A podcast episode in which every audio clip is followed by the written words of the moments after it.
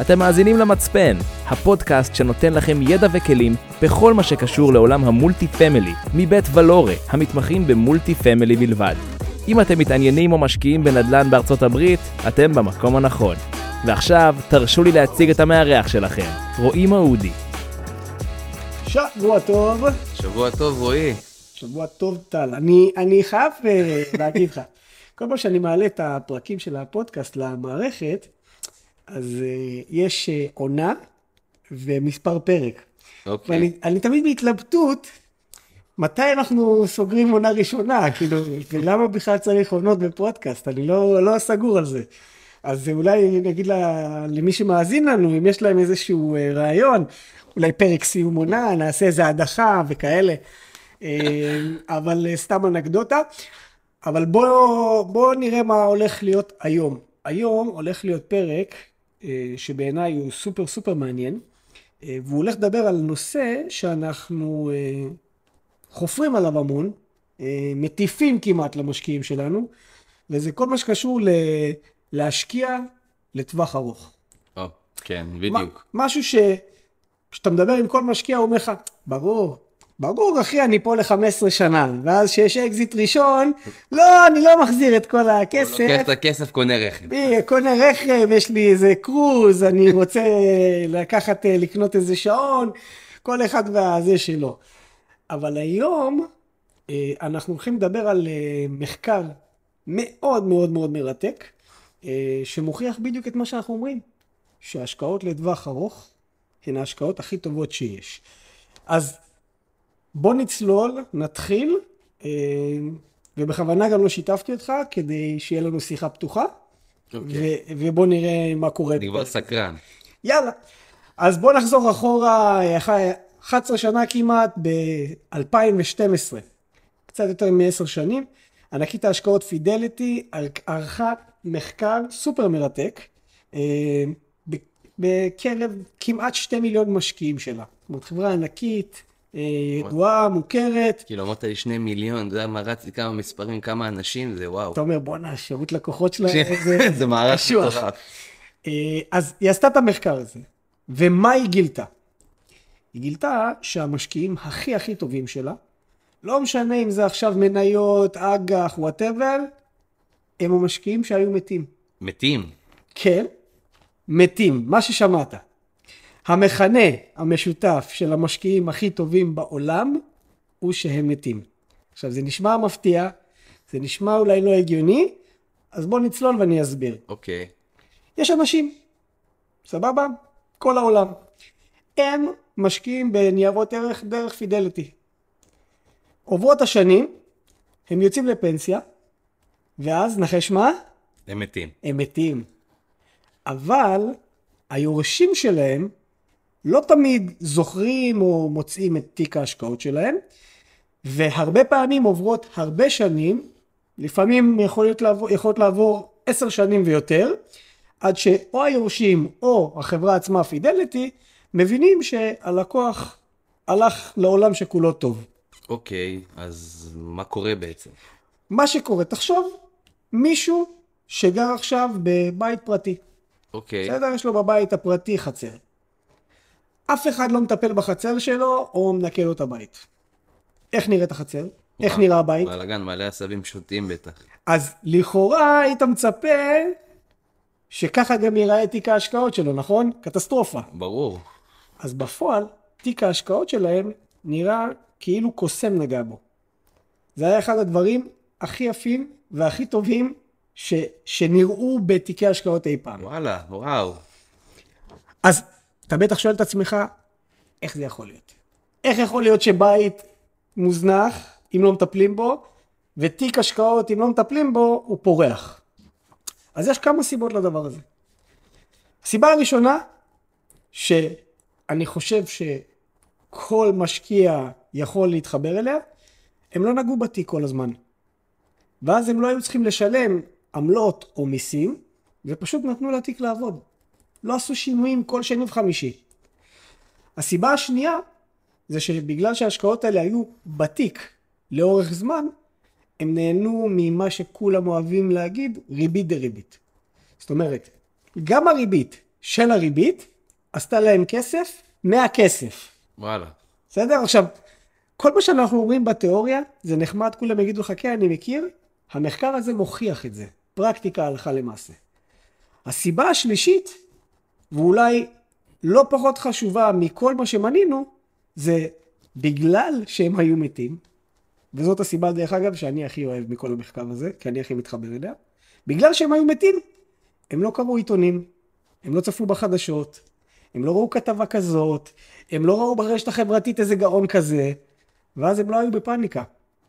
ואז הם לא הגיבו לכתבות או לחדשות או לדברים, והם לא מכרו לא את המניות ולא את האג"חים כשכל הסביבה הייתה בפאניקה ומכרה, והם פשוט שיחקו את המשחק של הטווח הארוך. אני בעצם, אני מבין מה אתה אומר, אבל זה לא פייר להגיד דבר כזה. למה? כי הם מתים. אוקיי. ואנשים מתים, אין להם שום צרכים, הם לא, הם לא יכולים לצאת לטייל, אין להם שום דבר, הם פשוט מתים. תשמע, אתה חד, חוץ מלשלם על הקבר. גם זה לא הם עושים. זה כבר לא הם עושים. אתה חד, אבל אני חייב להגיד לך. כי תחשוב שכאילו אם יש לך, שאתה חי בעצם, יש לך משפחה, אז יש לך כנראה משכנתה או שכירות, יש לך גני ילדים שאתה צריך לשלם, חינוך, אוכל, אולי נכנסים פה לסטרס כלכלי, שם לסטרס כלכלי, פה כתבה, שם כתבה, אוטומטית אתה, אתה מגיב, אתה מגיב לכל הפעולות, לכל הלחצים. אז זה יפה מאוד להגיד שחושבים לטווח ארוך, וזה נחמד, כן? אני לא אומר שלא, אני גם חושב לטווח ארוך. אבל אם הילדים ישנאו אותך בטווח הקצר, או אשתך בעצם תעזוב אותך, כי אתה קמצן, אז uh, אתה חושב רק על תשואה, אז אתה יודע, זה לא עושה שכל. אוקיי, אז טוב, אמרת פה הרבה דברים. אני פשוט בוער בי. לא, אין בעיה, וזה שאני תימני לא אומר שצריך לפרש אותי, כאילו אני אומר לאנשים לחיות אה, מלחם ומרגרינה, אה, רק כדי להפחית את ההוצאות שלהם ו- ומה שנקרא לייצר תשואות. אבל הנקודה שאתה מפספס בסיטואציה הזאת, זה שחשוב לנו לייצ- לייצר בסיס הוני מסוים. בואו ניקח דוגמה, מה שאנחנו אומרים למשקיעים. 250 אלף דולר, או יותר אם יש אופציה, ולא לגעת בהם, לתת להם לרוץ. עכשיו, לא רק לגעת בהם, לא לגעת במה שהם מייצרים גם. הרי למה בקרן השתלמות אתה לא נוגע? כי אם אתה נוגע אתה משלם מיסים. בדיוק, הרבה מאוד מיסים. נכון. ובסופו של דבר, עזוב שנייה את המיסים, כי יצרו רגולציה כזאת ששש שנים אתה לא נוגע בה. ואז אתה כבר מראש מחונך, שש שנים הכסף הזה אני לא נוגע בו. נכון. עכשיו, למה בקרן השתלמות זה עובד כל כך טוב ובהשקעות שלך לא? אין לי תשובה טובה. יופי. אז בוא רגע, אמרת יחידת השקעה 250 אלף דולר, בוא כאילו ניתן לזה לרוץ שוב ושוב. מה בעצם יקרה לנו? אוקיי, כי זה מה שבעצם מעניין גם אותי. אז בוא נניח ש... בוא, בוא ניקח סתם את ה-250 אלף דולר האלה ל-20 שנה, אוקיי. בסדר? נניח שבן אדם היום הוא בן 30, מה יקרה בגיל 50? אז נניח שאנחנו משקיעים בתשואה של אה, 17-18 אחוז IRR לשנה, סבבה? שזה פחות או יותר אה, תשואה שהיא לגיטימית לעסקאות value add ב multi family, וזה מגלם לנו לצורך העניין הכפלה של הכסף כל חמש שנים. כמובן שאנחנו כרגע בגלל רשות ניירות ערך והחוקים אנחנו לא יכולים לחשוף את התשואות שלנו ובלה בלה בלה דיסקליימרים וכאלה אבל נניח לצורך הדיון שמה שאמרתי הם תשואות ריאליות ואפילו שמרניות. אוקיי, בסדר? נניח. יפה. אז מה יש לנו כאן? 250 הופכים להיות אחרי חמש שנים? 500. יפה. וה-500 אחרי חמש שנים נוספות הופכות להיות? מיליון. והמיליון? שני מיליון. והשני מיליון? לארבע. זאת אומרת שמכפיל פי שתיים. יפה. שנים. אם היינו שמים 250 אלף דולר ושוכחים מהם, אבל באמת שוכחים מהם, לא, כן, אח שלי, אני בטווח ארוך, הכל בסדר, אלא באמת שוכחים מהם. משאירים אותם בפעילות. היינו יכולים לקבל 4 מיליון דולר אחרי 20 שנה.